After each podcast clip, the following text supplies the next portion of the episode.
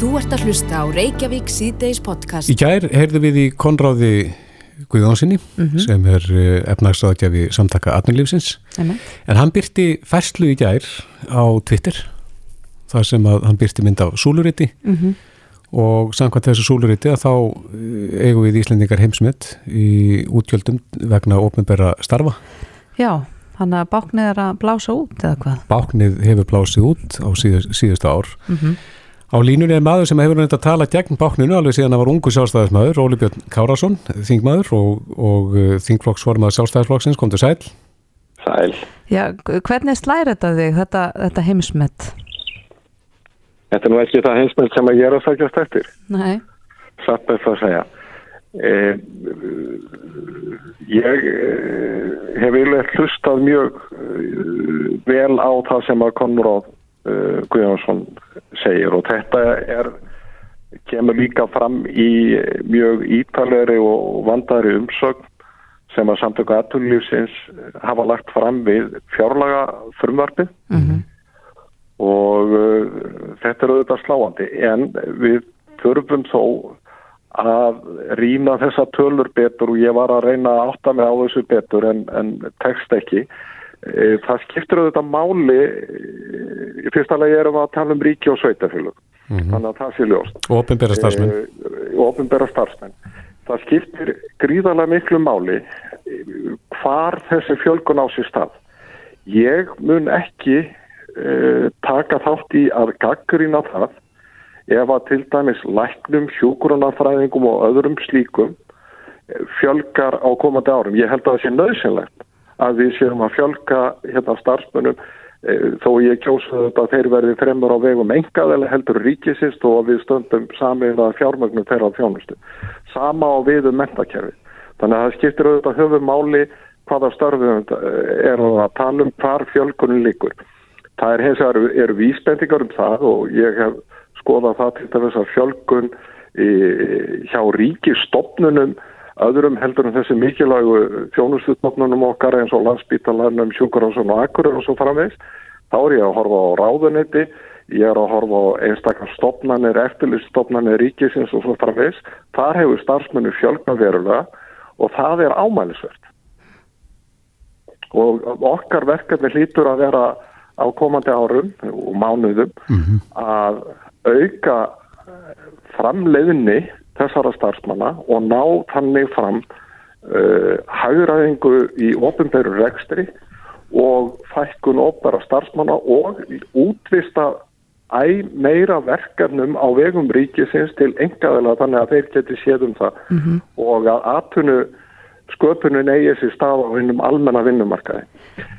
En það sem er verra og ég veit ekki hvort að Konráð hafi e, upplýst ykkur um það er að á síðustu árum hefur það gerst því miður að hefur opinbera eða sagt e, e, launa e, eða kjarasamningar opinbera starfsmanna hafa verið leiðandi og verið umfram hinn almenna vinnumarkaði og það ef að við náum ekki að snúa við þeirri þróun mun leiða okkur á mjög hættulega brautir. Við verðum að fara til okkur gjörbreytt vinnubröð á vinnumarkaðanum sem þýðir að við eigum að e, horfa til þess til þess hvernig menn gera í Noregi og Svíþúði í rauninni á Norðurlöndum þar sem menn koma sér saman um hvað atrunlífið þólir, hvað samkjöndisgreinarna þólir og það er hámark þeirra launahakkana sem að umverðu samið og ríki starfsmenn og óbyrri starfsmenn fylgja þar á eftir. En Óli, það hefur líka verið kvartandan því og, og engaðilar hafa kvartandan þjófnaði reynum og beinum af, af starfsfólki semst úr enga geran yfir til hins ofinbæra. Já. Er það í lagi? Nei, ég auðvitað, ég, sko, við, skulum setja orðið þjófnaðurinn að gæsa lappa en, en það er orðið þannig að hið ofinbæra hefur verið aggressíft í samkeppni um ákveðna starfsmenn, þetta er ekki síst uh, á sviði tækni, uh, þú veist, uh, hugbúnar og, og slíks. Mm og það er eitthvað öfugsnúið það þegar að ríkið okkur undvelli launa getur náð starfsmanni á enga fyrirtæki. Þá er búið að hafa endaskipt á hlutunum. Og þetta er fullkomlega réttmætt og eðlileg og sangjöld gaggrinni frá hendi Konlarás í þessum hefnum. En, en er ekki lítið mál að snúa þessu við út af þú myndist á Norðurlöndin aðan og ef við kíkjum á þetta súluritt sko? Segðu mér hvernig ná að snúa þessu við öðru sé heldur en að til dæmis fjölmiðlar haldi þessari umræðu vakandi og líka bend á það þegar að krafan er e, stöðugt um að auka hér útgjöld ríkisins, auka hér fjónustu ríkisins og svo framvegis það er krafan sem að, maður er síðan að standa svona að reyna að vera á bremsunni. Og þetta er ekki hérna mjög einfalt. Þess vegna er ég að segja, það skiptur þetta máli líka hvar liggur þessi fjölgun ópera starfsmann En er ekkert verið að greina það? Nú, nú eru þið þrýr flokkar í stjórn og vantarlega eru, eru mjög ólíka skoðanir um, um ópenbér störf á milli þessara flokka. Já, þú getur rétt ímynd að þér Já, ég menna, eru er upplýsingar uh, líka fyrir, ég bara náðu ekki að, að hérna fara í gegnum þær, en það, það eru sjálfsagt ekki mjög nákvæmar og það flækir aðeins máli þegar að menn eru líka að horfa á hinn ofnbæra þar að segja ríkir hins vegar og sveitafylgjum uh, annars vegar. Sveitafylgjum hafi verið að taka við verkefnum af ríkinu reyndar, já, já, sem að kannski stýrir eitthvað af nei, þú auðvitað bara tekur tillitið þess og hérna leiðir eftir, það, það er ekki vandamál, það hefur að vísa ekki gerst á undanförnum árum, það er stóru breytingarna var þegar grunnskólum var fluttur og mm -hmm. annars öður og síðan þegar málinni fallara fóru yfir árið 2011 í maður eitt Mm -hmm. En ég, ég vildi segja áðan varðandi þessu umsöknu S.A.M. fjálagafrömmarbið á þessu súluritið og sjáu að Norðurlöndin standa sér talsveit betur en við í þessum efnum, þar að segja laun ofinbæra starfsmanna. Og þú myndist nú Norrlöndin áðan. Eh, við hljóttum að geta litið til þeirra lönd sem við berum okkur saman við og, og apað eitthvað eftir. Já, við skulum ekki apa eftir einum eða einum Já, það er eitthvað að virka þar allavega. Við hefum hins vegar að sækja okkur fyrirmyndir sem eru skinsanlegar og við hefum að læra reynslu annara og það sem að hefur reynst vel eigum við að reyna til einhver okkur að breyttu breytanda. Það er alveg rétt hjá þér. Ég var eh, á hérna að sjá hins vegar aðra tölur að því að við erum að, því minnist á laun og opera starfsmanna.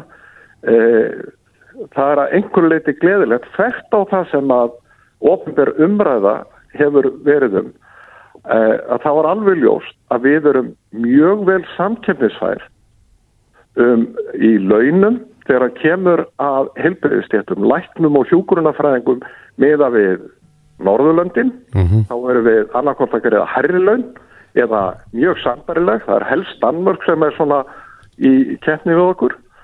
Og uh, við erum að greiða einhver hæstu laun í, til dæmis til lækna uh, innan OECD.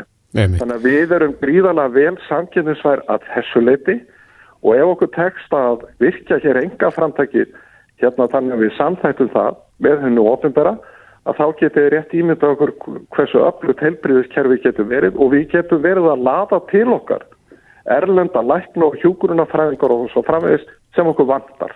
Já, en við erum reyndar undanfæni 20 ár í þessum þætti búin að taka þessu umræðan að slægið og það verist ekkert breytast. Það er segja að ríki túknar út. Hvað þarf Já. til? Já, sko, þegar að aftur Það er þetta einhverju leiti þurfa að kjósundar að kjósa hérna fleiri sjálfstæðismenn enn á þing. Það er nú kannski einn grunn fórsenda til þess að við náum tökum á hérna ríkisverðarstirinu. Þetta er sem sagt aðeins með tjena. Við erum, ekki nema 17 og 63. En látu það líka á millin hluta. Eh, sko, ég held að það skipti líka máli að menn horfi á það eh, þegar að fullirt er að ríkis, ríkis sé að tennjast út sem er rétt En það skiptir líka máli býtu, erum enn þá að tala um alveg gríðarlega mikla aukningu sem að hefur orðið á útgjöldundum helbreyðismála. Erum enn að tala um það að svo 2 miljardar aukning sem hefur orðið í framlegu ríkisins til almannatrygginga, til öryrkja og eldriborgara, er það litið á það sem auki ríkisút um sig. Það þarf að greina þetta greinlega. Eh, nei, já, ég, mena, ég er með þærtölur. Sko. Mm -hmm. Ég meina, ef, ef við förum hérna, ég man eftir að, að því að við erum búin að taka nokkara umræður undan þarna ára tíu Kristófer sko jú, jú.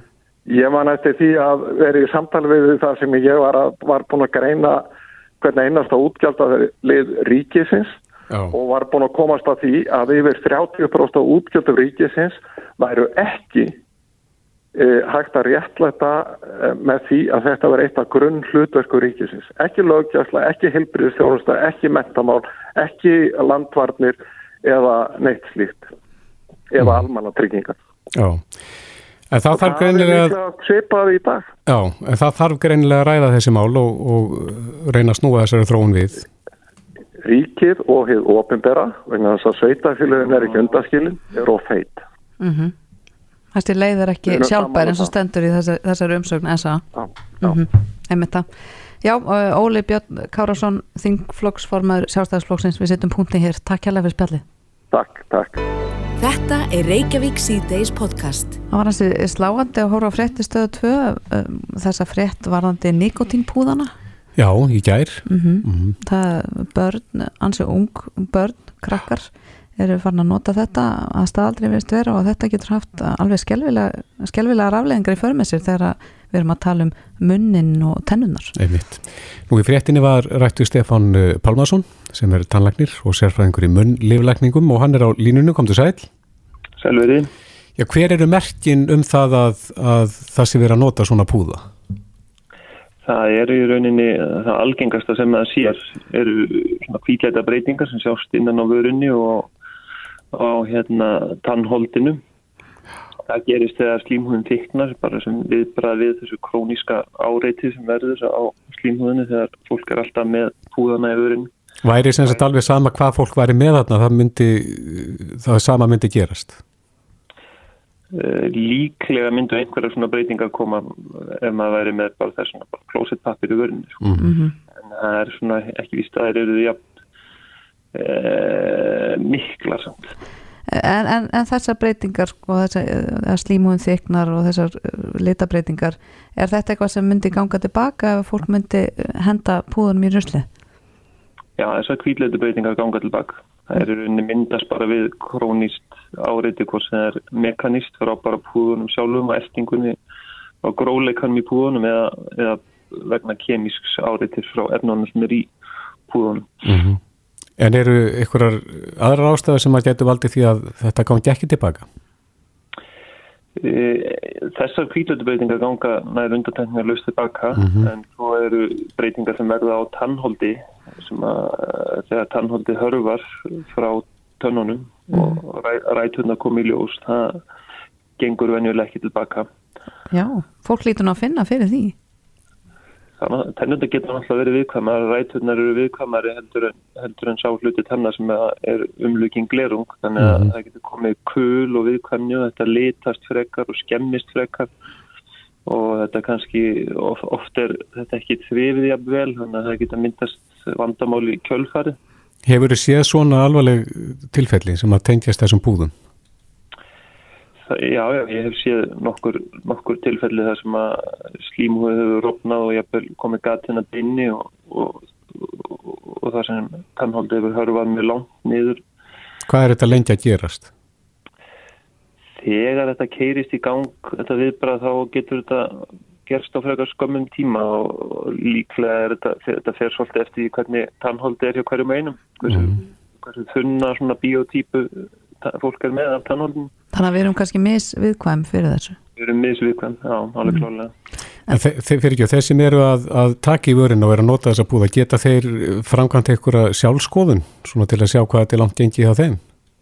Já, já, það er náttúrulega mjög auðvelt að skoða. Fólk náttúrulega tekur þetta vennilega í vörina og það er mjög auðvelt að skoða framtanna tannholdið. Og eftir hverja fólk að taka? Í rauninni sér maður, uh, maður sér náttúrulega þegar uh, þessar hvítlætu breytingar myndast. Og mynda stælt? Það, í- nei, ekki alltaf. Það er í rauninni, þessar hvítlætu breytingar er í rauninni bara þyknun á slímhúðun og sjást hjá eiginlega öllum sem að taka staðaldri í vörunum. Mhm. en þegar tannholdi byrjar að hörfa þá, þá getur verið erfitt kannski að taka eftir til að byrja með en þegar það er farið að ganga langt þá fer, fer það ekki að milli mála. Og, og hva, hvað er þetta að gera fyrir þessa einstaklinga að við erum að tala um þessar óaftur, óafturkræfu áhrif? Er eitthvað hægt að gera eh, hjá ykkur tannlæknum til þess að laga skadan eða lámarkan Það er nú mjög erfitt að, að hérna, bæta upp fyrir tannhold sem er búið að hörfa mjög langt og verður kannski aldrei alminnilegt mm. ef það er reynd að hilja þetta með einhverjum svona gröftum sem eru tekinn annar staðar úr, úr holdinu þá, þá hérna þetta verður aldrei eins og að vara áður og maður næri aldrei kannski sömu festu og tannholdið er unni að tapa festu við tönnina þannig að mm -hmm. Beinið er búið að hörfa jafnvel sem maður getur ekki fengið tilbaka mm -hmm. Svona fyrir utan að mæla með því að fólk hægt að nota þess að búða, mælur með því að fólk svona breytum staðsetningar í, svona setja alltaf með þetta á sama staðnum? Það er alltaf mjög skynsalegt að skipta um staðsetningar þegar, fólk er að nota þannig að dreifir svolítið álæginu En mér fannst líka svolítið sláand að sjá að krakkar neyri 15 ára er að taka í vöruna bara svona staðaldri vilist vera.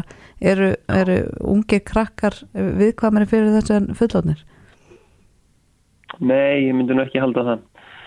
Uh, en svona, uh, svona einn breytingin sem maður séð sem er kannski eftir, eftir þessu kvítu púðar komu að maður séð kannski meiri nótkunn hjá, hjá stelpum og konum. Mm Hefur það færst mikið í vöxt? Já, það er kannski minni fórtumar gegn, gegn þessum kvítupúðum en, en tópakinu þó að megin álega deilum það hvort að ég að kalla þetta tópak líka bara því þetta er unnið, unnið að vissuleitur tópaksplöttunir Já, nikotínu Já, og getur inn í haldið sömu krafmiðsvaldandi efnin þessar líka sko. mm -hmm. Þannig að einfaldast er kannski bara að hætta þessu Það er náttúrulega einfaldast en reynist um erfitt þannig að það er kannski auðveldar að segja það en gera en, en maður mælir með því að fólk reyna hætta alveg svo hægt er. Já, Stefán Pálmarsson tannlæknir og sérfræðingur í munnlíflækningum þetta er aðdeglivert Kæra þakki fyrir spjallið. Já, takk fyrir. Bless, bless. Þú ert að hlusta á Reykjavík C-Days podcast. Við sjáum hér í fréttum að uh, fórsetin okkar, Guðni T. Jónesson hann fór á góðstöðunar Já, í með, hann var ekkert með sérstaklega slæman gungufélaga heldur. Nei, Hákon Krómpins, mm -hmm. Norex En Guðin er á línu, kom til sæl Sælveriði Er, er þið komni nýður? Já, já, uh, við erum uh, fyrir nokkuru komin til byggða og þetta var afskaplega skemmtileg uh, gunguferð, við vorum einstaklega heppin með veður og, og mér er óhitt að segja að krómprinsinn nautast mjög að, að sjá þarna hraunið nýja og, og, og fræðast um eldsumbrotin sem þarna voru og Jarðsögu Íslands, Kristín Jónsdóttir uh, var með okkur í för og, og var sérlega uh, öflug í því að uh, fræða krónbrísinn og mig og okkar föruneyti um það sem fyrir augu bar. Mm, það getur verið vonbrið fyrir hákon að gósið sé búið eða í pásu kannski, frekar?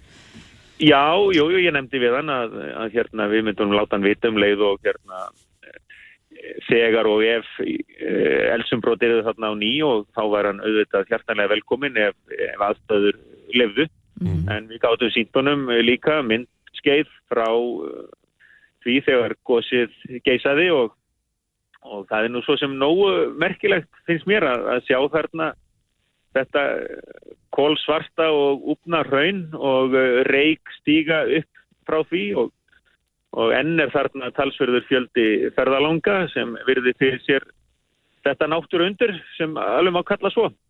Já, genguðu upp að góðstöðunum eða fenguðu far? Já, e, já, við fórum, neini, við gengum bara frá bílastæðinu þarna og gengum upp uh, langa hrygg upp að stóra hrút og uh, svo niður með fram uh, hraunbreiðinni tilbaka. Já, já. Þetta er alveg dágóðu spotti en uh, vel uh, stikað og það er komnir þarna slóðar sem gera verkum að, uh, að svona flestum ætti að vera mögulegt að, að, að fara þetta vann hvaða lust. Já, þið, þið hafa vantilega að fara létt með þetta. Þú ert náttúrulega mikill hlaupagikkur og hákon vantilega fjallageitt. Já, hann er mikill skýðamadur til dæmis og jújú, jú, hann, hann blés ekki um nöss. Nei. En aðeins að því við erum með þig á línunni, þú varst á leiknum í gær, Ísland eða Portugal-Ísland.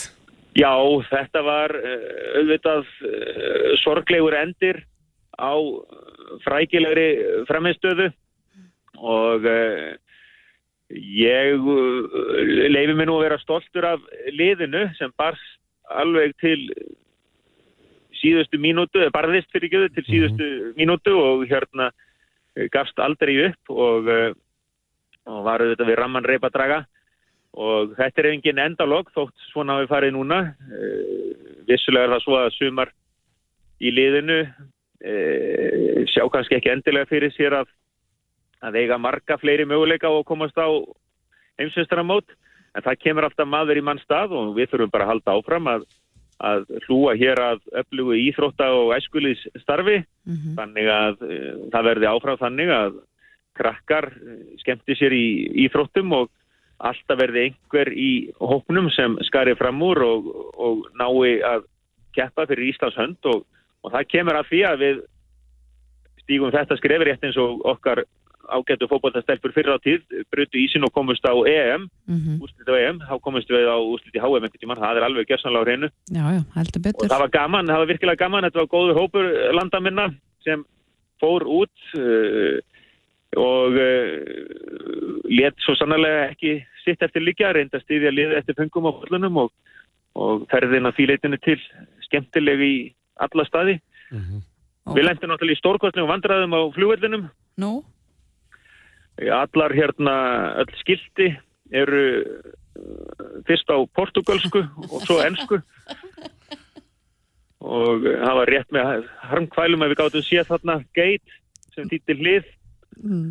En svona hafa þetta í Portugal. Já, magnast. Virðast, virðast hérna geta tekið á móti fólki og einhvern veginn komist við nú um borð.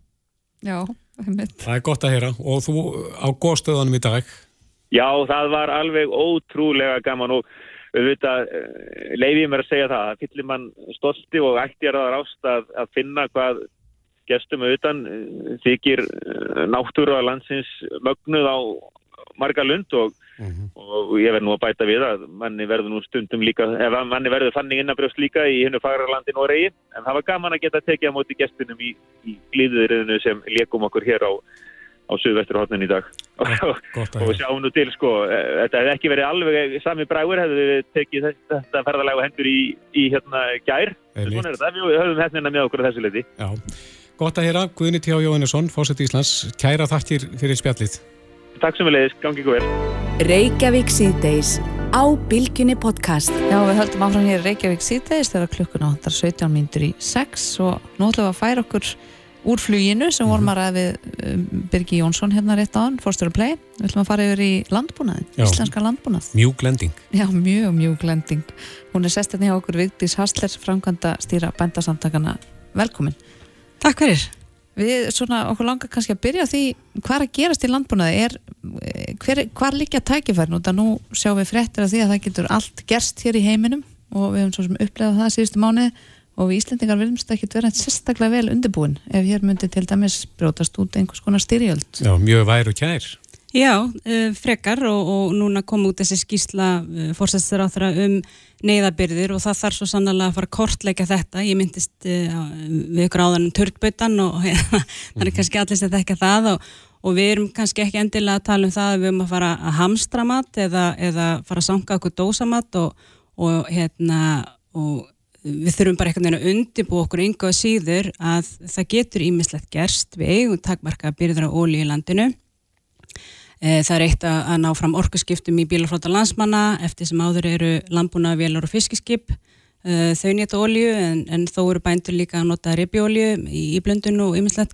Þannig að en við þurfum einmitt að horfa á þessi tækifæri og, og sérstaklega líka ljósi þess að minnst leðilegt segja það en stríðið um matin er bara hafinn mm -hmm. og við sjáum það bara á hækkuna aðfanga. Það eru 345 miljónum manns í heiminum sem búa við óstöðugt fæðu frambóð og ég, e, það kannski e, er ekkert að fara að leysa þessi máli, þessi nýsköpunarverkefni öll sem, sem eru núna kannski að, koma fram en þau eru samt sem áður byggja á rannsóknum og greiningum sem geta þó hjálpað e, til framtíðar.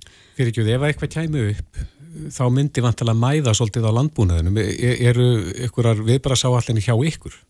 Uh, ekki viðbrasaðarállin hjá okkur en það er viðbrasaðarállin hjá almannavörnum. Mhm. og uh, þau eru nú hókina reynslu sérstaklega ljósi COVID-faraldur sinns um, ég var á ráðstefnu uh, hjá þeim fyrir nokkur vikum síðan og, og, það, þar, og það er tala þar um að, að hver og eitt þarf að vera undirbúinn uh, til þess að hann fá ekki aðstóð í þrjá daga.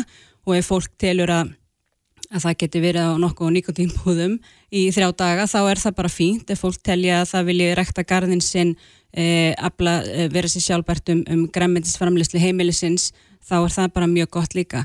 Þannig að, að það þurfum allir að undirbúa sig og við erum bara þáttangundur í þessu verkefni að kortleikja neyðabyrðir, því að þetta snýst ekki bara um Sagt, e, það er eitt að hugsa um matvælinn og matvæluframislu og frambóði sem er í verslunum það þarf líka að hugsa um það hvernig maturum verður búin til og þá er það sem skiptir máli er ábyrður og það eru e, sagt, fóður e, fyrir kjartfóður bara fyrir e, nautgrippi og, og, og þess aftar og, sagt, og dýralif það eru bara, dýralifi skipta líka miklu máli þess. Getur við gert meira til þess að rækta fóður fyrir dýrun okkar?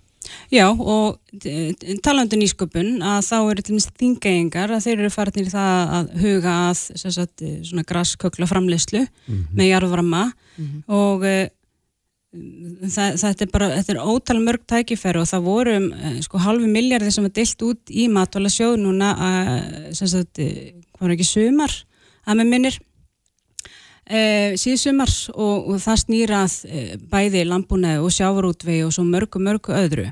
Um, nýsköpun er líka í framleiðslunni eins og um, það eru 1500 til 1800 tonna heyrúluplasti sem eru sem eru innflutt flutt hinga til lands og hvert fer þetta síðan mm -hmm. og þá eru við með fyrirtæki svo Pure North Recycling sem er bara í, í, í samstarfi með okkur og, og nokkur sveitafölum í að sapna þessu heyrúluplasti koma því endurvislu hér á landi og búið til gerðingastöra.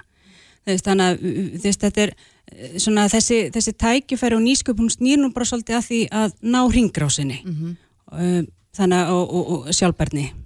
Taldur um sjálfbærni, sko, hvernig getur við orðið, hvernig getur við orðið sjálfbærari emitt í græmitisframlisli, veit að mm fólk getur rækta sinni einn garð og allt það, mm en getur við ekki gert miklu betur bara almennt að rækta hér græmiti? Já, og það er emitt hérna, stefna stjórnvalda ebla uh, kortrækt, uh, auka útræktun og græmildisframlisli með ylrækt, en síðan er það þá kerfið. Uh, kortræktin, við, við sáum hvernig veðri var fyrir norðan og austan núna daginn. Og e, það er eitt að hvetja til og segja að við þurfum að vera sjálfbær og, og hérna í, í framisla kortni, við erum að framlega innan við 1% hér á landi og ættum að sjálfsögða að reyna að gera betur. En þá er það einmitt tryggingarnar. Mm. það er ekkert vátryggingarfélag sem er frá bjóða upp, það er ekki sem búið upp á fóktryggingar almennilegar, við sjáum hvernig þetta er hvernig fóru að reyða fyrir því mm. þannig að það er eitt að hvetja til verkansins að efla kortrækt, að efla græmitis að útræktun vegna þess að afurinn sem slíkar er ekki treyða fyrir að það eru konar í hús mm. En við erum að rækta 1% segjur Já, innan 1% Hvað er raunhæft að spenna þá tölu hátt? Nú bara, ég er ekki með þá tölu hausnum á mér sko, en, en það eru náttúrulega svæði skipilastofni hefur talað um, um það að, að það eru svæði sem, sem, sem landbúnaðar á eftir að eflast og aukast eftir því sem líður á Um, og það eru svæði sem munu þá uh, vera þá nýtt undir uh, rektun mm -hmm. ekki bara rektu túna heldur út rektun og gremmit og ímsu öðrum, öðrum hérna, verkefnum en það þarf hins vegar og við höfum talað mikið fyrir að sveitafélagin þurfum að taka þátt í þessu mm -hmm. og það er einn hluti af þessum starfskilir í landbúnaðarins að það þarf að flokka lönd innan viðkomandi sveitafélags hversu hæf þau eru til ræktunar mm -hmm. og svo þess áttar. En talandum kerfið eða kerfin, mm. um, er kerfið að standi vegi fyrir einhver, einhver, einhverjum öðrum verkefnum eða svona kannski gerðu ekki eins áleitleg í landbúnaðinum? Já, já og, og hérna og eflaust og hérna svona kannski bara efst í huga mér er það einmitt ef þú ætlar að fara í garðirkju, ef þú ætlar að fara í ylrækt getur ímyndað í fjárfestingakostnaðin bara, bara sem þú þarfst að fara í og, og ekki er verið nú að bynda að lána í þau verkefni og það er uh, stjættin er að eldast og það er mikið áhyggjafni og uh, ég var einmitt að uh, hlusta okkur á þann að þá var mentamála háskóla og vísindar á þeirra mm. hér og tala um námslánin og við höfum einnig verið að benda á það að, að hérna, hvernig fáum við fólk til að koma inn í þennan geira mm. í nýliðun þegar að sagt, fjárfestingin er svona ofbústleg og lítið um lánamöguleika er þá ekki hægt að skoða þá heimild sem er í lögum metasjónu ásmanna um að til dæmis sem er dýralækna sem e, við verum ekki skort á dýralæknum en, en þeir verðast bara snúa í e, langt flesti í litlu dýrin en vantar í stórgripina mm -hmm. og vantar út á land og er þá ekki hægt að horfa á þá heimild sem er í, í, í lögum metasjónu ásmanna um að að hægt sé að sækja um 30% niðurfellingu, mm. kjósi þau að vinna í sláturhúsi fyrir norðan sko, eða á Suðurlandi e, sem dýralæknar. Það mætti bæta úr þarna? Það mætti nefnilega bæta úr þarna. Mm -hmm. En e, landbúnar er með síningu? Já. Svona ef við vikjum að þess að því, þá erum við hættum. Já. Maður mann eftir þessum landbúnarsýningum hérna í Garnadaga? Já. Er þetta eitthvað í líkingu við, við þær síningar? Nei, það er nú, uh, hefur nú svolítið breyting á því en, en svona til þess að byrja þá erum við með dag landbúnaðarins á Hóttu Nordica uh, þar sem við munum ræða meðal annars um fæðuriki, uh, orkumál og ímislegt annað og hefur öflutt pallborð. Og málþingi eru öllum opið, mm -hmm. það er frá 10-12 og sem síðan er landbúnaðarsýningin. Og hún er að sjálfsögðu öllum opinn um, og sérstaklega hún er ekki eins og þetta var áður því núna eru 25 varnarhólf á Íslandi og það þarf að gæta upp á alls konar sjúdöma og þess aftar og, og hérna en þetta er ekki eins og, eins og þetta var. Það verði engin lifandi búferdir mm. en það verður hins vegar nóg af e, fróðleik. Mm. þú getur sparkað í dekka og gömli fergusónum ef þið langar til. Það verður nóg að tækja tólum. það verður nóg að tækja tólum e, afurði sem verður bóðið upp á og bara ná, ná spjallinu bara við bændur og matala framlegendur er náttúrulega bara gríðalegt tækifæri. Erum við kannski búin að fjarlægast þessa stjætt svolítið? Já, ég, ég, ég var nú eitthvað auðvitað á Facebook síðinu minni og þá kom einn búndi og bent á að bara það að krakka fór ekki lengri sveit að það hafi bara alltaf einu svona, svona fjarlægt. Ég er rofið tengingunar dáliti mm -hmm. og ég get svolítið sem verið sammála því, ég meina það eru mjög margi sem halda það að kjóklingunni sé bara búin til út í búð. Mm -hmm. Þannig að og, og, og þetta er akkur þess að við viljum reyna að vekja aðtikla á að að, það, að það, maturinn er framleitur og við þurfum að framleiða hann hér á Íslandi. Já. Láta þetta vera loka orðin. Víti Sessler, frangotastýra bandarsamtakana. Gangi ykkur vel á degi landbúnarins. Kæra þakki fyrir komina. Takk fyrir. Þetta er Reykjavík C-Days podcast. Takk hjá fyrir. Já, er ekki bara fyrsta spurning hvernig gengur? Er, er mikil uppsveifla hjá Play? Já, þetta er búið að vera bara frábælega skemmtilegt ár og skemmtilegt sumar og hefur gengið bara mjög vel og hérna, en nú erum við komin inn í veturinn og þá breytist svona rithminn þannig að hérna, eins og bara ferðarþjónastan þekkir almennt mm -hmm. að þá koma öðru þessi ferðarmenn til Íslands og, og við finnum það svo sem alveg líka eins og ennum flugfjölu og þá var svona breytist aðeins umhverfið en, en, en hérna, já, þetta er bara búið að vera frábært sko. Mm -hmm. Það verður þetta góðu vetur?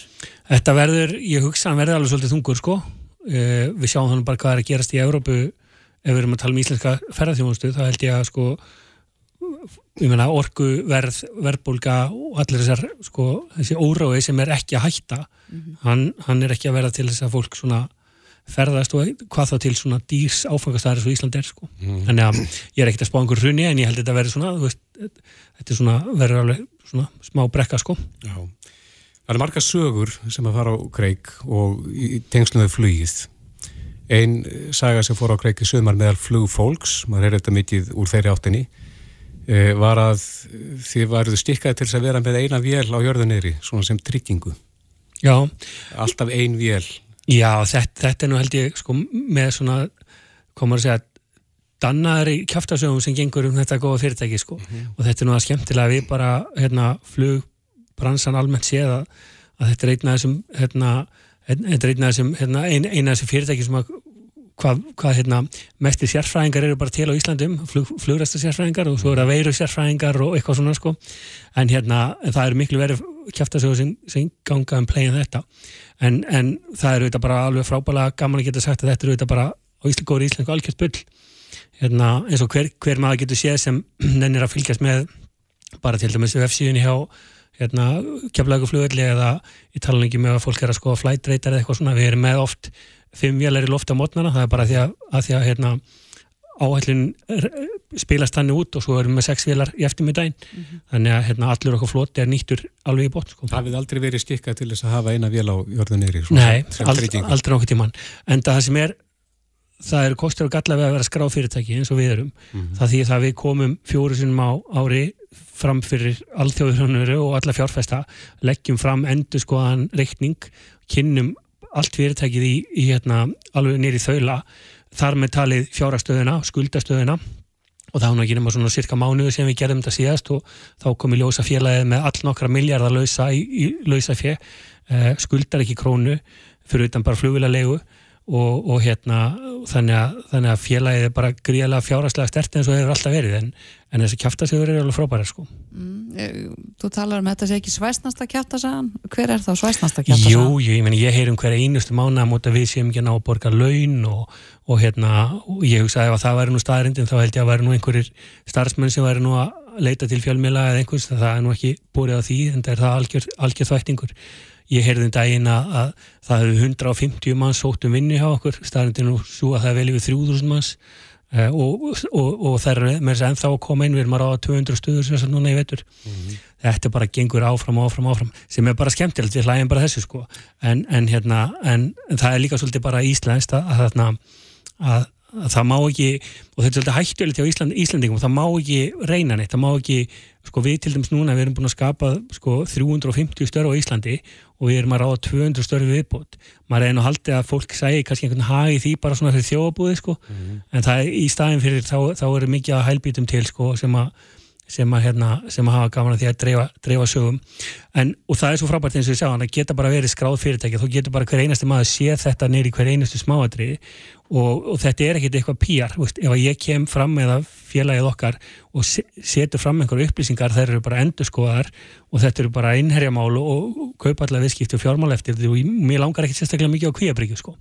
þannig að þetta gengur ekkit svona. Að, en ég skil alveg að við erum auðvitað öll hérna við munum öll eftir vá og alla kjæftasöguna sem var í kringu það og mm. það var auðvitað bara allt að, annars eðlis, það var enga fyrirtæki eigu eins einstaklings uh, sem var ekki, hafði ekki þessan ennan hérna, sínileika eða, eða þetta gegnsæði sem við höfum við erum í eigu sko tryggingafélaga, lífverðisjóða uh, banka fagfjárfesta, mm. það er yfir 3000 hlutári félaginu fólk verður bara að horfast í augu það að hérna, það er bara rosalega lítið svona hérna krassandi hérna í gangi, við erum bara að byggja upp fyrirtæki og skapa atvinni og, og hérna og, og, og búa til flott fyrirtæki eins og við erum að gera sko.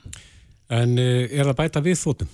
Við erum að bæta við fjórum vélum núna í veitur, við erum fáum held ég tvær núna beint frá Airbus núna bara eftir tíu daga. Og það er teimi á okkur núna út í Toulouse í Fraklandi sem er að taka við þeim.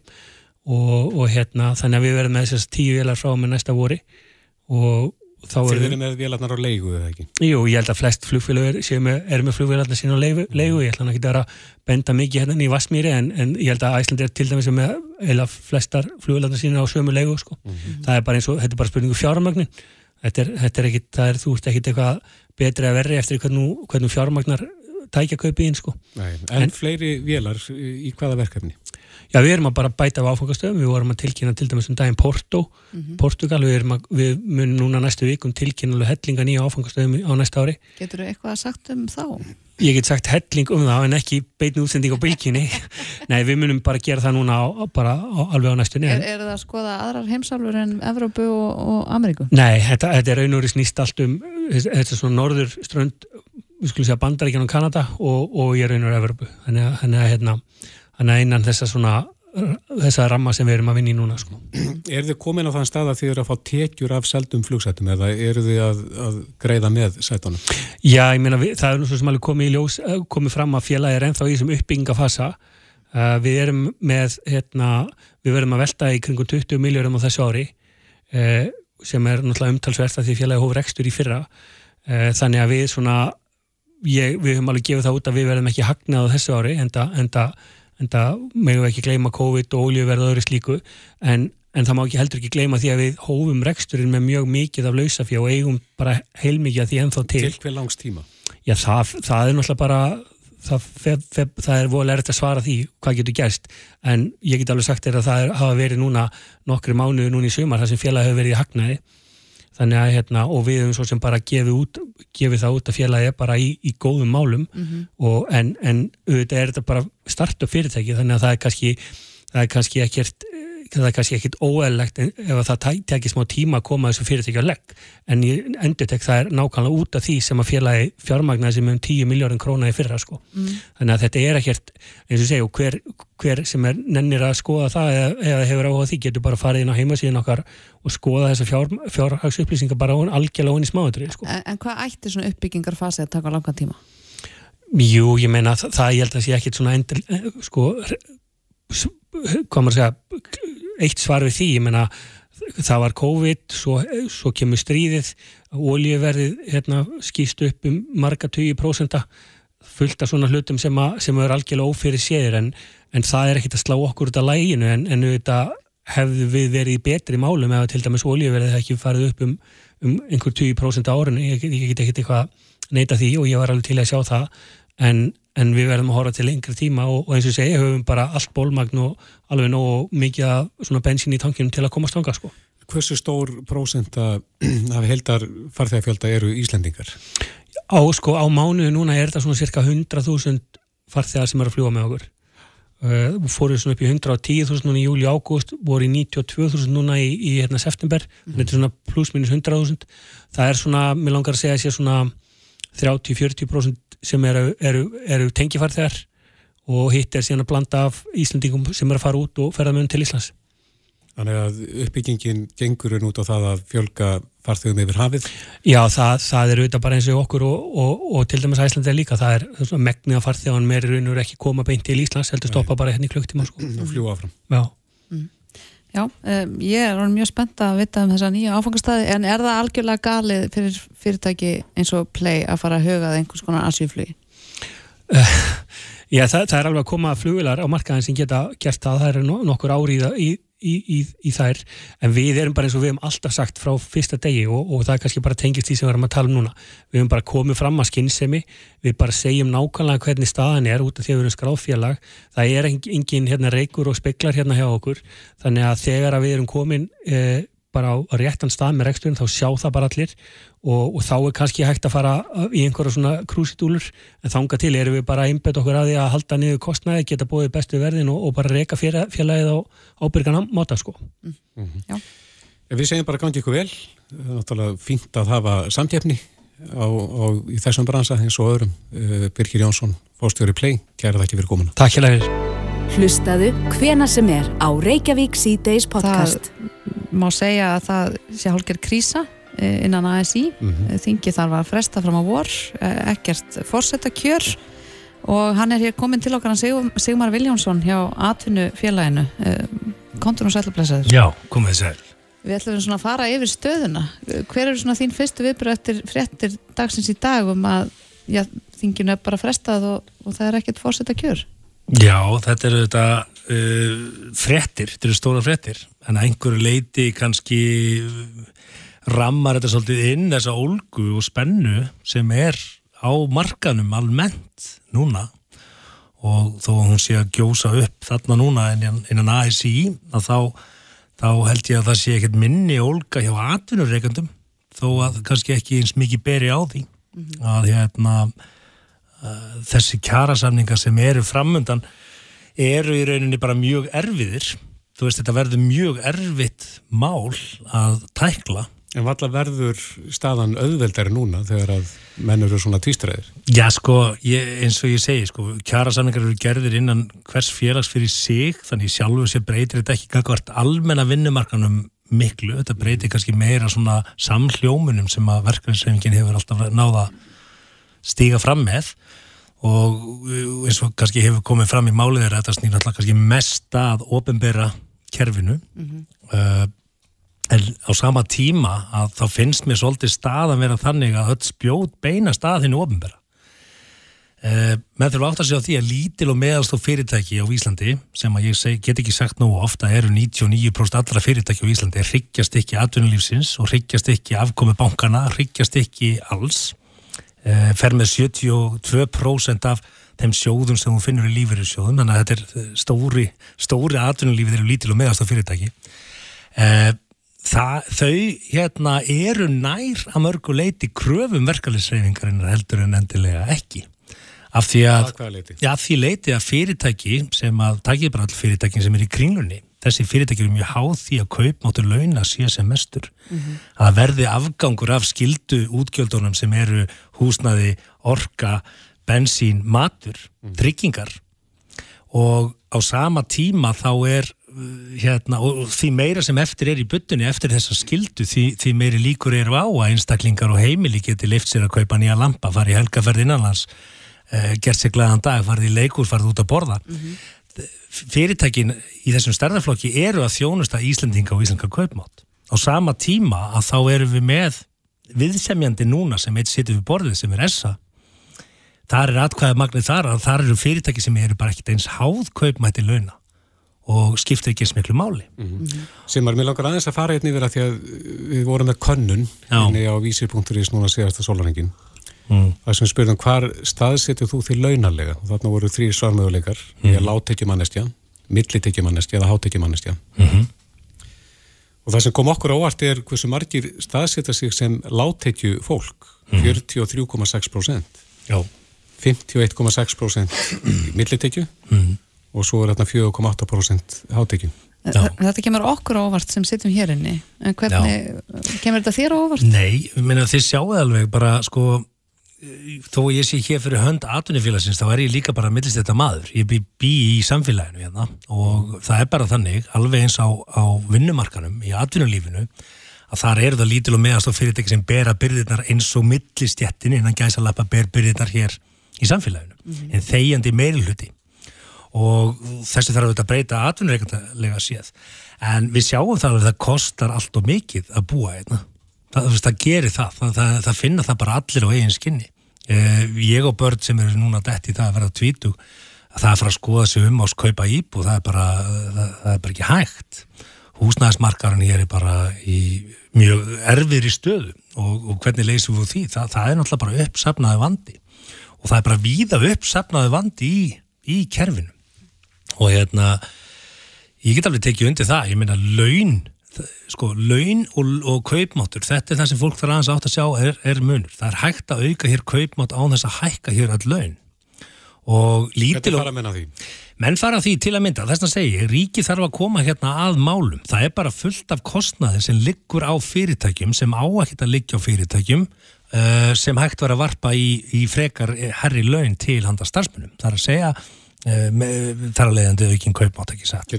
Já, bara tökum tryggingagjaldið, elsta, elsta málið í bókinni. Tryggingagjaldið á Íslandi er bara fáránlega hátt og þegar þú tekur núna vakstahækkanur og bætir hún á allt þetta tryggingagjaldið er mál sem þarf bara að taka og afgreða. Það að einirki eh, sem vinnur, einirki, sé að borga tryggingagjald gjal- galið. Það á að vera hérna, tröp, hérna, þrepa skipt tryggingagjald.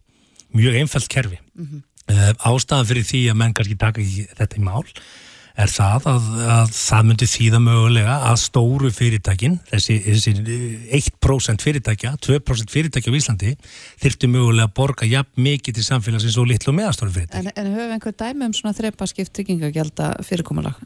Já, ég meina að það er bara ekki dæmi um tryggingagjald, sko. Byrjum bara þar. Það er engin fordæmi fyrir tryggingagjaldi. Og innan tryggingagjaldsins, það er áttu til að mynda að kosta eitthvað sem heitir vinnu eftirlit. Þeir eiga að fá 0,007% af öllu tryggingagjaldi að ég fari rétt með. Skilar þetta sér í vinnu eftirliti? Nei. Fá fyrirtæki reikning fyrir heimsókn vinnu eftirlitsins? Já. Þannig að það er tvísköttun.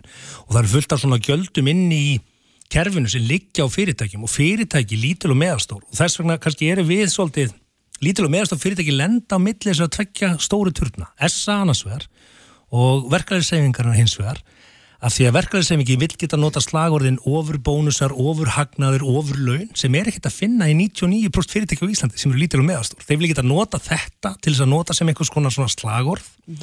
Að móti kemur að þá, þá kannski er, er, er ESSA ekki endilega að fara að semja hér um uh, jafnar gjaldskrár hins ofinbera þú veist eins og ég hef margótt kannski sagt hérna og segi kannski ekki nógu oft en það er gjaldskrár hins ofinbera er bara eitt gjald þú veit með hérna, heimsók frá heilbriðis eftirliti það er sama heimsók fyrir eitthvað pulsuvagn og fyrir mörg þúsund fermetra kælirými. Þú veit með hérna, bara útvaskjaldi er auðveldast að nefna. Að pulsuvagn hérna nýri laugadal borgar sama og Æsland er í, í, í nefskattin fyrir, fyrir ríkisútarpið okkar og sjónvarpið. Auðvitað á þetta að vera hlutfalslegt þú veit með grófari dæmi eins og með hérna, fiskaldisleifið sem var nú frækt hér þegar uh, hérna Arnalags borgaði með sín 32.000 tonna fiski borgaði hér 580 skall fyrir fiskaldisleifi og sama var Bjarni í Nings látið borga fyrir sína 1500 bleikjur í bakarðinum. Ég meina, kerfið er allt einhvern veginn ójæmt gagvart fyrirtækjum.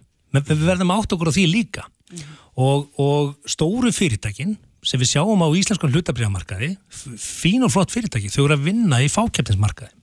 Lítil og meðastof fyrirtæki eru að vinna í samkeppnismarkaði, það er mikil samkeppni og ekki bara samkeppni viðskiptavinni, þetta er samkeppni um starfsfólk og þegar við erum að tala í kjaraverðaðum alltaf um lámarslöun þá erum við átt okkur á því að lítið og meðastof fyrirtæki í dag sem þarf að fá starfsmenn til vinnu sem er ekki auðveld, þeir get ekki leift sér að borga lámarslöun, það er ekki sjens og hver er helsti samkeppnisaðilinn í nútíma samfélagi hér á Íslandi? Það er ríkið og þið ofnbæra.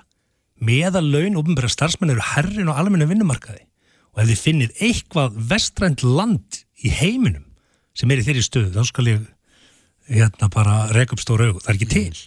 En sem er, verður atvinnufélagi þáttakandi í komandi Við vonum það. Ég meina við erum, við erum gríðarlega mikilvæg rödd. Það er náttúrulega bara hver, hvert félag fyrir sig. Við þurfum ekki nema eitt félag en að ASI sem er til í að setjast niður með okkur og gera kjærasamning, þá erum við komið með kjærasamning. Reglurnar er ekkert flóknar en það. Er það ekki tækifæri núna fyrir atvinnufélagi? Að sjálfsögðu. Og við erum búin að hitta fram á menn og við erum búin að hitta aðila. Uh, erum ennþá að býða því að fá fund með uh, Haldur í Benjamin í SA reyndar svona svo við komið því að.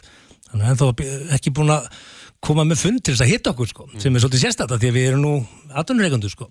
en, en hann lítur að svara því. Þetta, þetta er ágættis fundabóð hér að kalla hann út.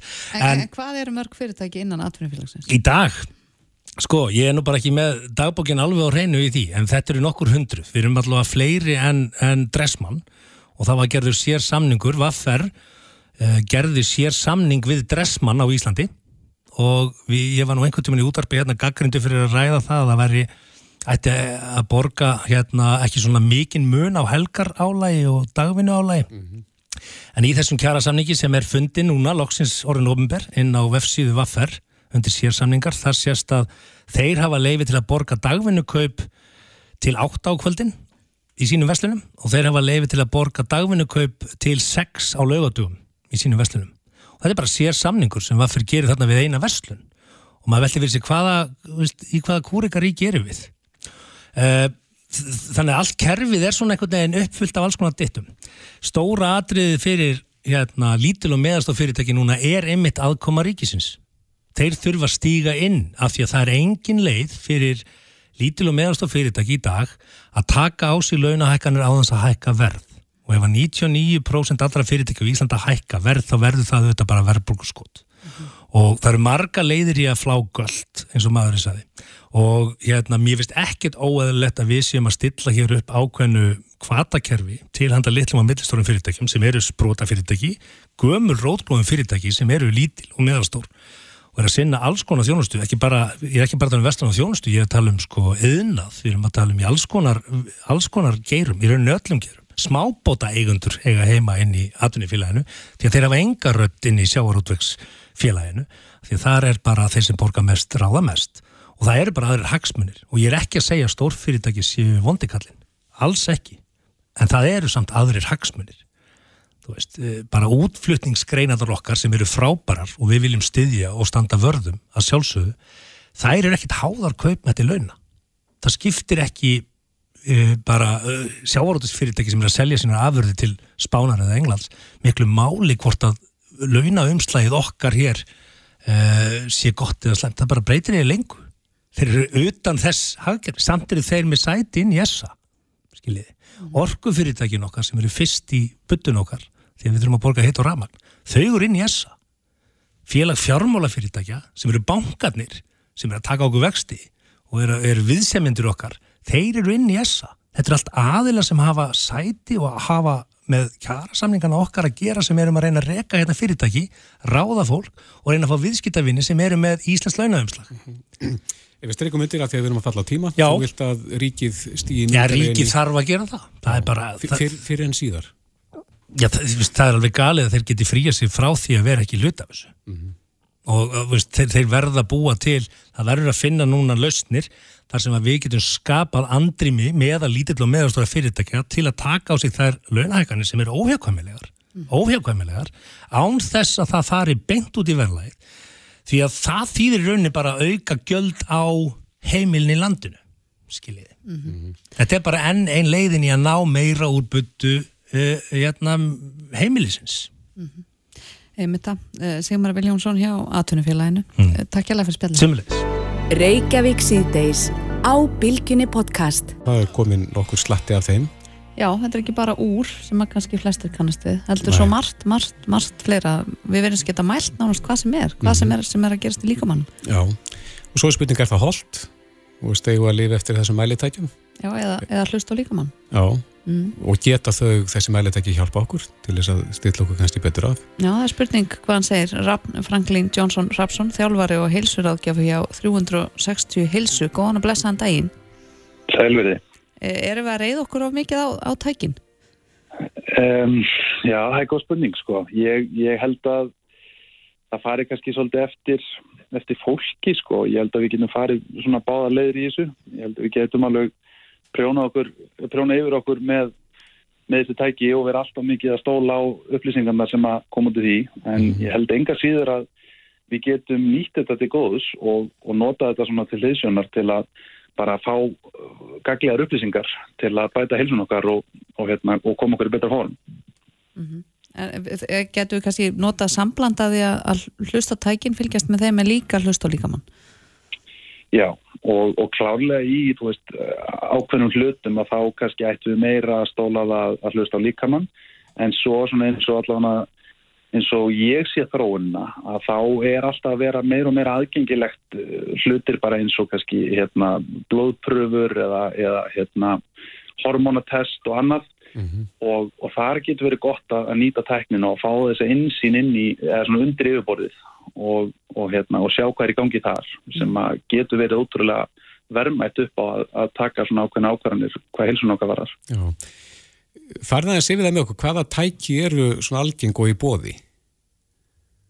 Sko, e, svona ef við erum að tala um bara fyrir miðalmannin þá erum við ennþá e, svona, ég held að sé nokkur ári að við munum sjá svona alveg bara þvílíkan þvílíka breytingar. En, en nú er náttúrulega búið að gríðarlega þróun á tækjum eins og bara eh, hérna snjallúrum og, og hérna Fitbit og, og öllu þessu.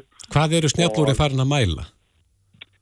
sko snjallúrin eru farin að mæla í rauninni alls konar hluti, þetta byrjaði náttúrulega á skrefum mest og hérna og svo púlsinn og, og hérna og þess aftar, nú er komið mæleining sem að kallast heart rate variability sem að er í rauninni svona hálfpartin að mæla ástandi á tögakerfinu segir okkur hversu mikið álag er á tögakerfinu sem að getur þá eh, svona hjálpa okkur að, að hérna, ákvarða hvernig við erum að hátta eins og álagi á æfingum og þess aftar Um, hérna, ég nota ring sem heitir Oura-ring sem er svona ringur í rauninni eins og bara hérna, þessi Garmin-úr og, og Fitbit-úr og það Einmitt. og hann mælir súrefnismettun Mm.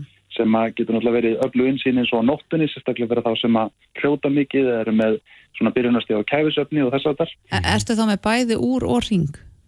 Ég nota eiginlega bara ringin en hérna, hef ekki, ekki mikið nota úr í áreindar appulúr en ég einhvern veginn hillast meira að ringnum, hann er bara þess að lítið fyrir honum og auðvitað nota hann. Og hann er enda líka, þar er svona fókusin meira á svefnin, hann svona sérhæfi sér svolítið í að, að hérna, mónitora svefnin og svefgæðin. Já, og líkamsetan líka þegar mann tekur stöðun á yfir nótina.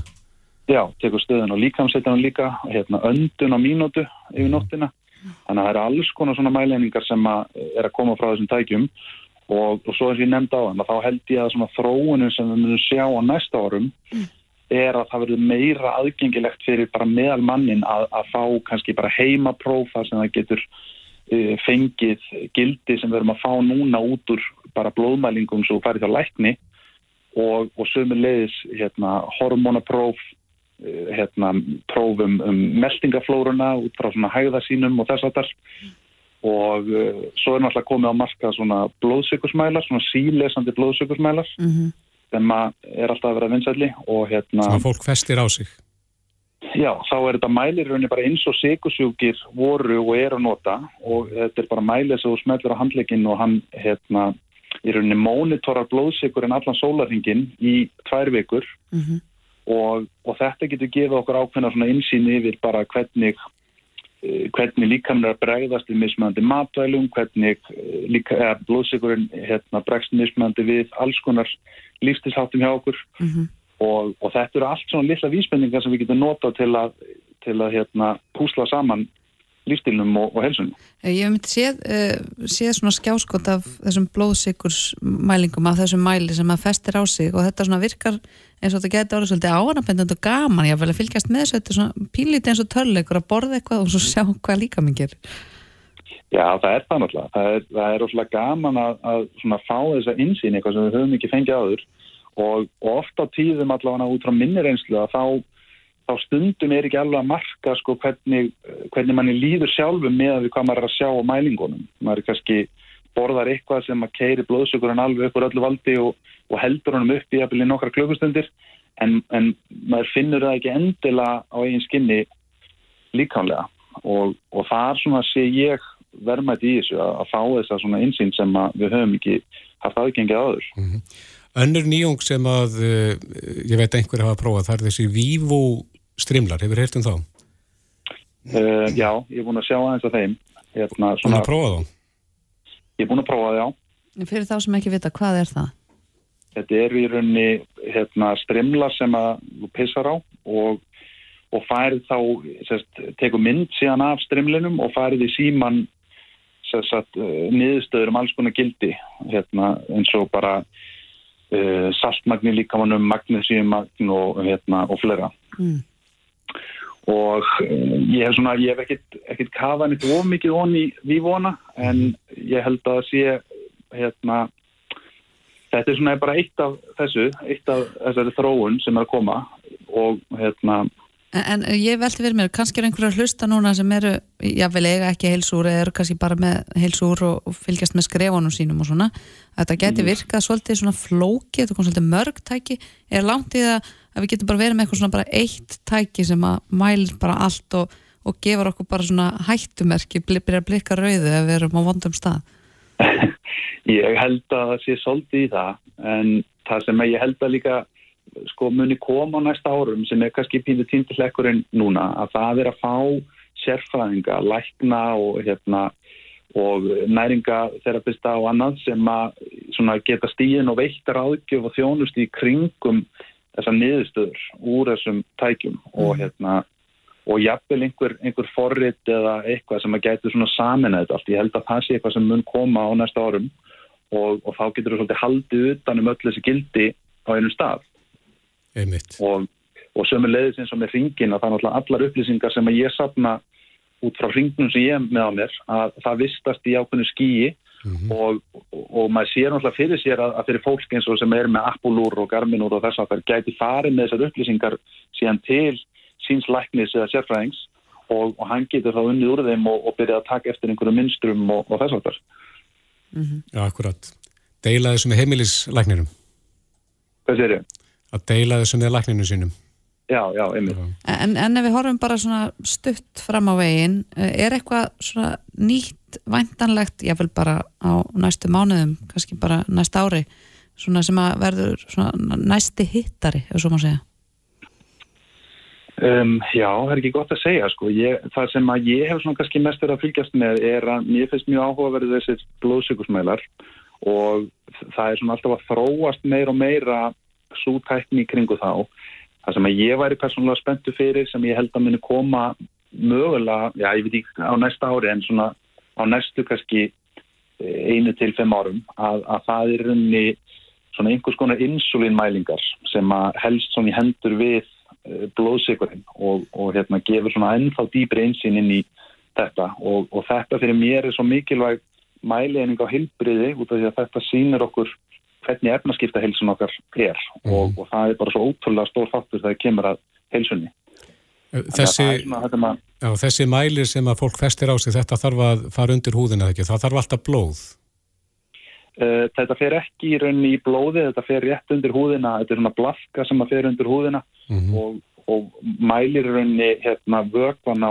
á sagt, sem er rétt undir húðinni og, og mónitora þetta fannig. Þannig að þetta er ekki, þetta er ekki eins nákvæmt eins og þú myndir taka sko stingi puttan og fá blóðmælinguna Mhm. en, en þetta gefur svona þetta gefur svona nokkuð góða eða svona nákvæma niðurstöðu með, við, með það Já, þetta er síbreytilegt og væntalega á margt eftir að gerast bara á næstu 5-10 árum í þessum efnum, ímynda með sér. Já, algjörlega Mm. Eh, Rafn- Franklin Johnson Rapsson, þjálfari og heilsuröðgjafi á 360 heilsu. Takk kærlega fyrir spjallið. Já, bara takk sem leðis Reykjavík síðdeis á bylgjunni. Reykjavík síðdeis á bylgjunni podcast. Varandi mann sem að tók 5 miljón krónar lán fyrir 40 árum og 40 árum síðar búið að borga því samsku samlega, þá stendur það í 9 miljón. Já, þetta er nánast líginni líkast. Mm Og án þess að ræða kannski þetta mál eh, sérstaklega, þá erum við komin í samband við þá konu sem að er aðstíðum aður lín. Jú, rétt, það er Áslögarna Sigurbjörnsdóttir, háskóla innar og nýsköpunar á þeirra. Góðan og blessaðan daginn. Góðan daginn. Þetta er nú hérna stingu svolítið í stúf og eh, svakaleg lesning að heyra af svona láni sem að hækkar um margar miljónir þráttur að þessi búið að borga samvesku samlega að því í allan þennan tíma. Já, og að sjálfsögðu það eru ímsar sögur þó maður veit ekki alveg hvað er þarna baki og, og veit ekki nákvæmt, uh, nákvæm atriði í þessu einstaka máli að þá er alveg lett að, að, fólki þykir nógum. En uh, hvernig að standa þessi mál, segjum sem svo að, að manneskja, við förum kannski aðeins næri tíma, segjum bara fyrir 15 árum, tekið námslán, á þessi manneskjeng tíðan vona því að geta borgað upp út af því að það eru hópar á Facebook fullir af svona sögum þar sem fólk bara situr í þessu námslána fangelsi æfi langt nánast. Já, það eru þetta uh, misjafn, maður tekur ákvörðunum að taka námslán og borga af því og síðan eru uh, greiðslunar sem greiðir tekið tengdar, þannig að það ekki mis, misjafn hvað fólk greiðir. Einn greiðslan er alltaf tekið tengd eftir hvar þú starfar þá og, og, hérna, og hvað þú greiðir þá mikið upplánið á hverju ári. Og við erum auðvitað alltaf að gera kerfi sangjarnara, við erum að skoða lundi í kringum okkur og gera það þannig að það sé hvetjandi fyrir fólk að fara í nám og að það hafi ríkan stuðning til þess. Og síðan er heimil til að fresta greiðslum vegna til dæmis veikinda og fjárhagsvanda og ímislegt sem hérna, hefur verið í lögunum. Um, þannig að síðan þarf þetta bara eigum alltaf að skoða hvað við getum gert betur og það er núna uh, lögbundin endurskoðun á þessum lögum fyrir næsta ár en þetta eru frekar ný lög sem voru kláruð bara frekar svona senkt á síðasta kjörstjánbili Mm -hmm. Serðu fyrir áslöfu að, að þessi mál komið til að taka einhverjum uh, alvöru breytingum? Sko, mentasjóðslögin í heild uh, voru, tóku kannski með miklum breytingum á síðast ári og við erum svona að fá reynslun á því að færðu sem við margir inn í það nýja kerfi og þar var innlegt svona ákveði styrkja kerfi þar sem hefur verið kannski svona gag, uh, hefur verið gaggrind gegn tíðina er ógagsægi þeirra styrkja sem eru inn í þessu kerfi áður en nýja kerfi var tekið upp. Það er að segja að þeir sem fór í dýrt nám seint á lífsleginni og störfuðu síðan ekki við það og borguðu þess vegna kannski lágar greiðslur í, í þeirri afborgun sem var tekið tengt. Þeir fengu mesta styrkin frá ríkinu og þeir sem kannski komu yngstirinn í námið og, og hérna, þeir eða og hvað fengur kannski langminnsta styrkin og það var það svo áskorun og þær sögur sem voru uppi um, og sögur af Norðurlandunum sem voru samkjöfnishefnari hæfari gagvart námslánum sem við ákváðum og, og nokkru mentamálu lögðu fram breytingar til að komast í þessa átt. Og nú erum við að sjá reynsla þeim lögum og erum við alltaf að reyna að gera betur Væri hægt að stýlir það svona styrki við það að viðkomandi þá myndi starfa hjá ríkinu í eitthvað tíma? Starfa hjá ríkinu? Ja, segjum það til dæmis læknir eða hjókunarfræðingur? Nei, ég myndi ekki telja að við ættum að gera það. Eh, Við erum að hafa kerfi sem gagsæðast, þannig að það sé kvatar í því að klára námið og það aðstóði og meðan náminu stendur og að þú hafið svo frelsum það að fara á vinnumarkaðin og hvar þig langar að vinna og getur þá uh, greitt þetta tilbaka. En eh, er einhver heimil til þess að fella niður námslán se- segjum sem svo að manneskja eh, veikist, sé kannski búin að borga í, segjum bara 20 ár og jafnvel get ekki séð um sig sjálfa er þá einhver heimil til þess að bara reynilega fella niður námslán? Nei, lögum um mentasjóðan er ekki heimil til stíks. En gæti það orðið? Já, það er auðvitað, uh, kemur auðvitað alveg til greina að skoða þær ábendingar sem hafa komið varðandi það. En við þurfum auðvitað að gæta þess hvaða fordæmi við setjum varðandi lántökur og, um, og sjá þá hvort það sé ykkur fordæmi fyrir slíku í, löndunum sem við berum okkur saman við og hafa verið aðeins framar en við gagvart þessu kerfi. Mm. Er það hinn Norðurlandin? Já, við höfum verið að líta til þeirra. Hvernig hafa þeir þetta? Betur um námsmenn. Hvað sérum? Hvernig hafa hinn Norðurlandin þessi mál? Kerfin eru aðeins misjöfn en það hafa verið gagsægir styrkir sem eru greitir út strax, aðrir setna um, um, en það sem skiptir mestu máli er að uh, nefnendur sjáu jöfn tækifæri og hafi jöfn tækifæri til þess að menta sig á háskólastíð mm -hmm. og háskólastíðið okkar og erum líka samanskapi opnari en löndin í kringum okkur. Mm -hmm. Við erum að opnara háskólakerfi, það komast fleiri inn og það er ódýrara líka. Já, einhvern tíma að tala um að námslánu væri hagstæðistu lánin sem hægt var að taka. Er það, er það svo? Já, ég, ég held það. Þrátt fyrir þetta dæmi eins og við heyrum af í fréttum? Já, þrátt fyrir allt og þá hafa þau verið þau hagstæðistu lán sem hægt var að taka. Eru þau verðtrið í dag? Mm, ég þekki það ekki alveg hvernig þau eru. Það eru, nú er það einu nokkrum kerfum, það eru gömul, gammalt ábyrðamannakerfi sem var einu sinni svo var, svo var hérna, um, um, kerfið þróast talsvert og margir komin inn í nýja kerfi núna sem eru ekki til dæmis ábyrðamenn sem var mikið umræðið fyrir nokkrum ára síðan. En áslega áður við missum þú síman að þú varst nú að, að gera sérfræðingum auðveldara fyrir að koma hinga til landsins eða ekki? Jú, heldur betur. Við vorum að kynna aðgerðu þess efnis ég og félagsmálaráðara í ríkistjóðni ger. Og út af hvað gengur það? Það gengur auðvitað bara út af það að við þurfum að spila sókn að kemur að samkefnum hægt fólk í heimil og bjóða enga fólki utan Evrópu sem vil koma hér og starfa sem sérfræðingar sem fyrirtækir okkar þurfa. Ég hef farið í margar heimsóknir og hitt mikið af nýskopunum fyrirtækjum bæði stór og smá undarfarta mánuði og allstaðar heyri ég þetta. Sé oflókið og þúnt að ráða fólk sem ekki fæst í, í hérlendis. Og við vorum því að kynna uh, fjóra leiðis, fyrstu aðgerðar um, til þess að greiða aðgang að sérhæðari þekkingu og bjóða fólki hér velkomið með þessa þekkingu til landsins sem við þurfum að halda þessi fyrirtæki eiga stekka og það eru bara tækifæri í því bæði til að fylga störfum og ykkur útflutnistekjur og auðvitað fá þessa þekkingu til landsins sem mun skilja mikið eftir sig. Og hvenar, hvenar tekur þetta nýja kerfi gildi? Sko, einn leiðin er uh, frumvarp sem félagsmálaráðar mun koma með núni í haust og þá fer það svolítið undir þinginu að hversu rætt við getum klárað það. En það er um það að það verður þá sérstakur starfa listi og við getum afgreitt þau mál mjög, eða þau atvinnuleifi mjög hratt og ég er byrjum vonið við að það verður innan við tekja vikna afgreiðsla fyrir atvinnuleifi ef þú uppfyllir það að vera á þessum starfa lista. Er það fyrirtækjana þá sem er óska eftir þessum starfsmönnum að, að sækjum?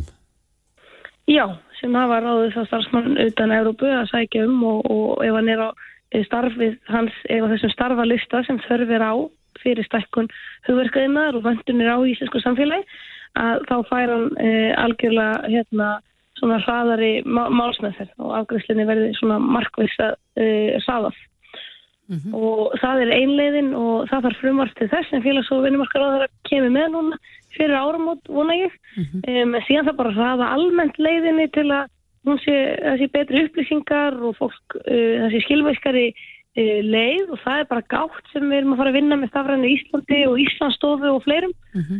En síðan er ég að skoða líka efla háskólana og að það sé Um, það er mjög mikilvægur eftir svo að vera hópur að ná til eru erlendir nefnendur í Íslenskum háskóla og fá fleiri erlendir nefnendur inn í Íslenska háskóla um, en að gefa þeim líka síðan atvinnilegði að námi loknu og við myndum þá korrutvekja efla háskólana og þeir þurfa að bjóða upp á meira nám á ennsku til dæmis og fjárspesta síðan í þekkingu þess að unga fólks fyrir Íslands samfélag og atvinnilegt. Já, þetta hljómar eins og gott mál, spennandi, við, við fylgjast með þessu Um, Áslega Arna Sigurbjörnsdóttir, Háskóla Eðnaðar og Nýskupunaráðara. Takk kærlega fyrir spjallið í dag. Takk sem við leiðis.